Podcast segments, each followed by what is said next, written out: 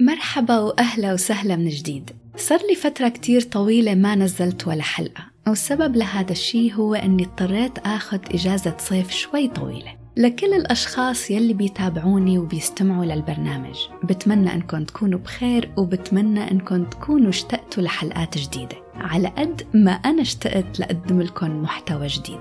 لأني ما تابعت كتير مسلسلات بهي الفترة رح أحكي عن مسلسل يمكن تأخرت شوي بمراجعته.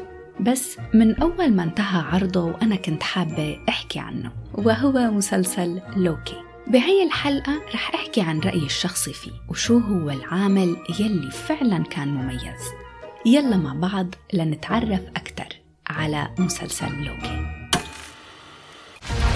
You picked up the Tesseract breaking reality. I want you to help us fix it. Why me? I need your unique Loki perspective. مسلسل لوكي صدر بشهر ستة هيدا العام ومكون من ست حلقات وهو من نوع الأكشن والخيال والمغامرة يلي برافق الشرير سيد الخداع والمكر لوكي وتم تجديد المسلسل لموسم تاني. خلال مشاهدة لوكي ما قدرت ما قارنه بالأعمال السابقة يلي صدرت ل Disney Plus وبالتحديد لعالم مارفل السينمائي. عملت حلقة سابقة عن WandaVision بس هيك بالمختصر أنا حبيت WandaVision وخاصة بدايته وحبيت كيف خرجوا العاملين عليه عن الشكل النمطي تبع إنتاجات الأكشن والأبطال الخارقين. كان هذا الشيء حلو ومميز ولكن الطريقة يلي انتهى فيها المسلسل بنظري كانت نهاية عادية وكتير شبيهة بنهايات كل قصص مارفل يعني الحرب الملحمية الضخمة المليئة بالمؤثرات الصوتية بين الخير والشر بين البطل والشرير وإلى آخره. أما بالنسبة لمسلسل Falcon and the Winter Soldier ما جذبني أبدا مع أني حضرت أول كم حلقة منه بس ما تعلقت فيه. القصة تبعه كانت مكررة وما فيها عناصر تميز. عناصر بتميزه عن غيره من أعمال الأكشن والخيال وال superheroes من بعد هيدول المسلسلين WandaVision و The Falcon and the Winter Soldier كنت ناطرة بفارغ الصبر مسلسل لوكي لأنه هاي الشخصية بالتحديد بحبها كتير. من أول ظهور للوكي بفيلم ثور بال 2011 لفت انتباهي وجذبني أكثر من ثور نفسه فهو بالرغم من أنه شخصيته شريرة إلا أنه شخصية سهل التعاطف معها فدوافعه لأعمال الشر نابعة من مكان كتير سهل التعاطف معه وفهمه مثل الغيرة وحب الحصول على الاهتمام الزائد يعني شوي هيك كأنه طفل ما عم يتمكن من أنه يخرج من مشاعره الطفولية. هلأ بالإضافة إلى كل هاد ما ممكن ننسى أنه عامل الجذب الأكبر لشخصية لوكي بتيجي من قوة الممثل وإتقانه للدور. وأكيد رح أحكي عن توم هيدلستون أكثر بعد شوي. وبالمقارنة بالشخصيات هيدا تبع واندا و Falcon و the Winter Soldier بحس إنه تركيبة شخصية لوكي والممثل نفسه وأهميته بعالم مارفل السينمائي أكبر من غيره. قبل ما فوت بالحلقة ومراجعة المسلسل وتقييمي لإله حابة أحكي شوي عن كم نقطة بموضوع تقييمي للمسلسلات. بشكل عام في كتير أعمال صايرة بحتار كيف بدي قيمها وبلاقي صعوبة لشرح نقاط الضعف والقوة. كيف يعني؟ خلال متابعتي للحلقات بكون مستمتعة بتجربة المشاهدة وخاصة إذا كانت البداية قوية ومشوقة وفيها كتير أسئلة. وبتعلق الشخص ليشوف حلقات زيادة. فبحضر المسلسل كله وأنا حاسة إنه كل شيء تمام والمسلسل بيستاهل تقييم جيد من دون وجود نقاط ضعف كبيرة. ولكن لما ببلش بالتعمق بالأحداث والحلقات والدخول بالتفاصيل وخاصة لما يكون مسلسل بدي أحكي عنه على البودكاست بكتشف أشياء. أشياء كنت حاسة فيها على الخفيف خلال المشاهدة بس مش مركزة عليها لأنه خلص مستمتعة ومتسلية وبدي أعرف شو رح يصير وكيف النهاية. بس هاي العناصر وهي الأشياء هي يلي بترفع مستوى المسلسل نفسه وبتميزه عن غيره من الأعمال وهي يلي بتحدد مكانته عند الشخص يلي عم بيتابعه.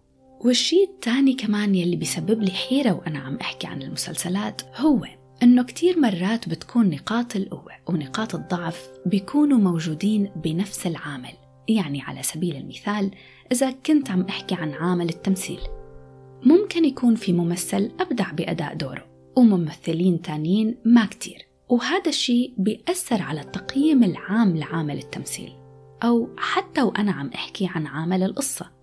ممكن تكون الفكرة العامة حلوة ومميزة. بس ممكن كمان إنها تفقد جودتها وقوتها خلال الحلقات. ولهذا السبب قررت استخدام طريقة جديدة بتقييم المسلسلات هو إني أستخدم النسب. يعني بقيم كل عنصر بحكي عنه على حدة مثل القصة والتمثيل والشخصيات والنهاية.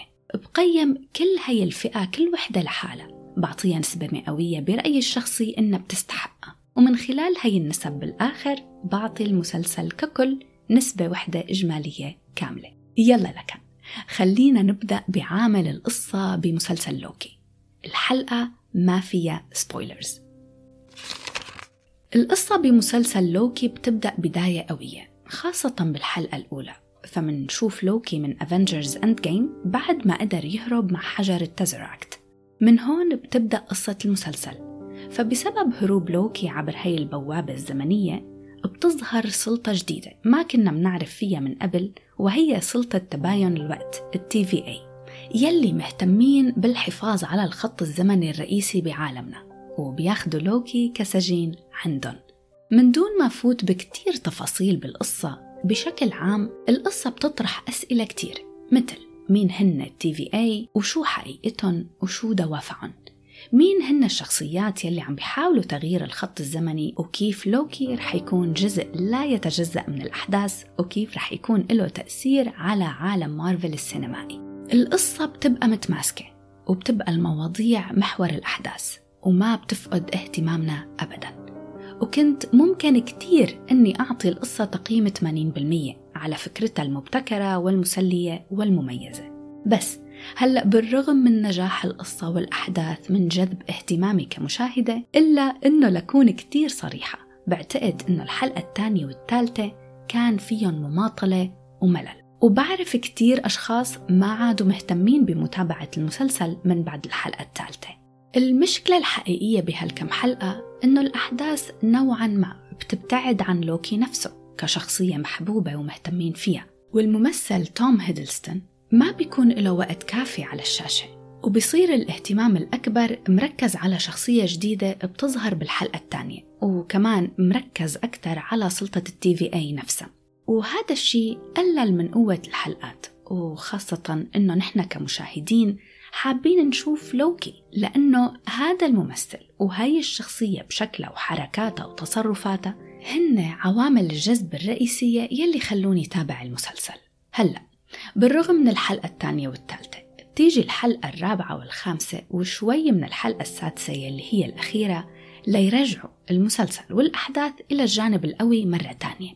ولكن لمسلسل مكون من ست حلقات بس وتقريبا النص منه كان فيه مماطلة وملل فرح أعطي عامل القصة تقييم 70% لنيجي لعامل التمثيل. عامل التمثيل كان فيه قوة واضحة وخاصة طبعا دور لوكي يلي ما خيب لنا ظننا أبدا. الممثل البريطاني المبدع توم هيدلستون قدم دور لوكي على التلفزيون بكل حرفية وفن وإتقان تماما مثل ما عودنا على أدائه لهذا الدور بالأفلام. الجدير بالذكر هون إنه الممثل توم هيدلستون بتجارب الأداء لفيلم ثور بال 2011 قدم تجربة الأداء للدور الرئيسي بالفيلم يلي هو شخصية ثور. ولكن مخرج الفيلم كينيث برانا قرر إنه توم مناسب أكثر لدور لوكي. إلى جانب توم هيدلستون بمسلسل لوكي بيجي الممثل يلي أبدا ما كنت متوقعة أنه يكون له حضور حلو ومميز بهذا المسلسل وهو الممثل أوين ويلسون.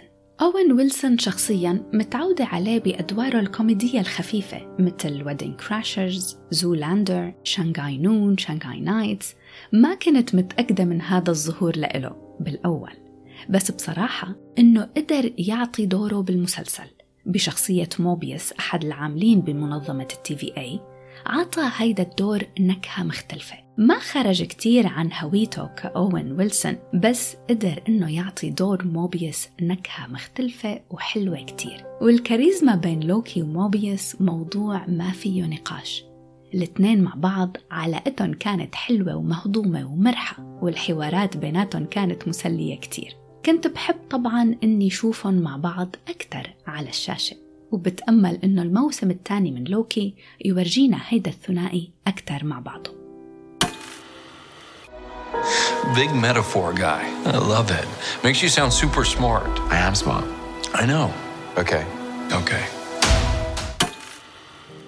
وكمان شغلة حبيت أذكرها هون عن الممثل أوين ويلسون خلال تحضيره لدور موبيوس بدل ما يعمل على قراءة الكوميكس تبع مارفل ليعرف عن عالم مارفل أكثر خلى الممثل توم هيدلستون يشرح له فكرة عالم مارفل السينمائي بأكمله عودة لعامل التمثيل مع تميز الكثير من طاقم الممثلين بهذا المسلسل بيجي دور شخصية اسمها سيلفي. كان لها أهمية بالغة على الأحداث بالمسلسل وما رح فوت بكتير تفاصيل. بس الممثلة يلي قامت بهذا الدور ممثلة بريطانية أنا ما كنت سامعة باسمها من قبل وهي صوفيا دي مارتينو. لأهمية هاي الشخصية بأحداث المسلسل كنت بفضل لو كانوا اختاروا ممثلة تانية أقوى ومتمكنة أكثر من أدائها. ظهورها بجانب توم هيدلستون كان في نوع من الضعف بس بشكل عام الطاقم كان حلو وكان فيه قوة ولهيك بقيم عامل التمثيل 75%